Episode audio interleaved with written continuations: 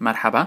محمد كيالي من hyperstage.net ومثل ما شفنا امبارح اعلنت فيسبوك عن إطلاق الاب سنتر الآن بشكل كامل وكان لنا فرصة نجربه ونطلع عليه. حقيقة يعني موضوع الابس الخاص بفيسبوك كتير مثير للاهتمام وبنفس الوقت الاستغراب بشكل أو بآخر لأنه مثل ما طلعنا إذا بندخل على facebook.com slash App Center في عنا مشكلة كبيرة وهي إنه هال apps هاي اللي عم يقدمها فيسبوك هي حقيقة تعتمد على أمرين. الأمر الأول هي إذا كانت web apps تدعم فيسبوك سواء canvas application أو تدمج ما بين الموقع الخاص بالخدمة أو الموقع نفسه وما يقدمه فيسبوك عبر ال Open Graph الخاص فيه. وأيضا تطبيقات الموبايل سواء كانت iOS أو اندرويد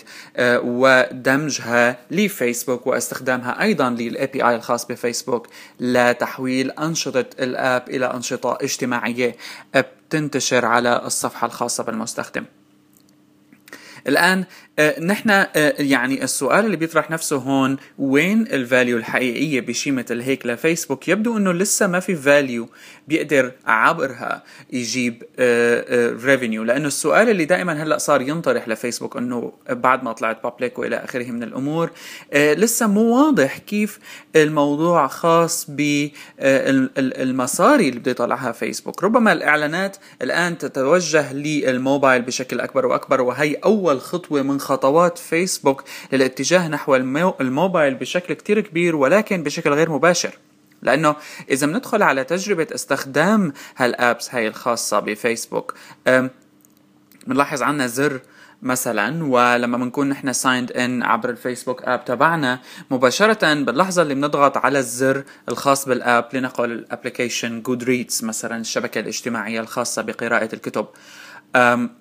مباشرة أنا لما بكبس على الزر الخاص بال app على الويب بياخدني على notification uh, بيعطيني notification على الموبايل إنه في app بدها تنزل لما بتكبسها يا بتعمل لها allow لتصير جزء من عندك إذا كنت already منزلها من ال app store أو بدها يطلب منك to download عبر ال app store ومرة تانية بدك ترد تعمل ال connection مع فيسبوك طبعا العملية مثل ما ملاحظين طويلة شوي ومنها بهالبساطة لكن والأرقام دائما بتعطي تصور واضح عن العملية. Goodreads خبر PC Magazine إنه صار في حوالي ال 490% growth أو نمو لهالشبكة الاجتماعية بالضربة الكبيرة ل ال App Center اللي عملها يعني بمعنى آخر في فرصة نمو كبيرة عند المواقع. هي لأنه عم بيقدم فيسبوك حقيقة خدمة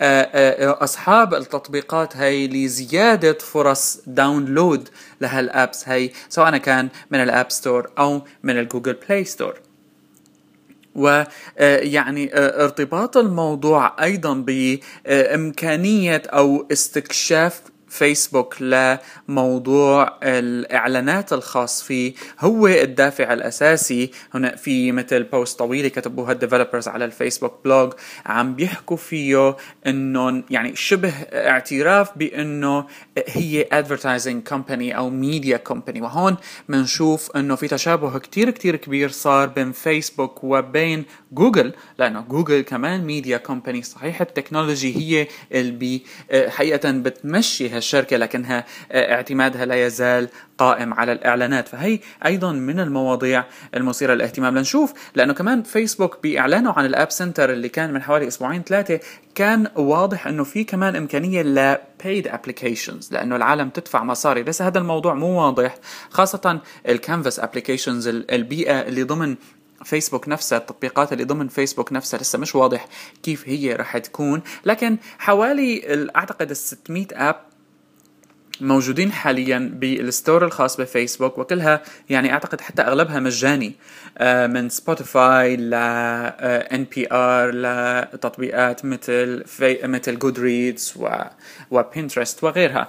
لكن هل محاولة من فيسبوك إنه يصير hub لكل شيء موبايل آه، يدعم ال integration مع فيسبوك؟ هو أيضا يعني مثير للاهتمام لأنه عم بيحاول يسرق من Google Search حقيقه لما بتبحث عن applications معينة لا صار في دليل إلها وفي highlight لل apps اللي بتقدم services وبتقدم خدمات إذا صح التعبير قائمة على الارتباط بفيسبوك بشكل أساسي.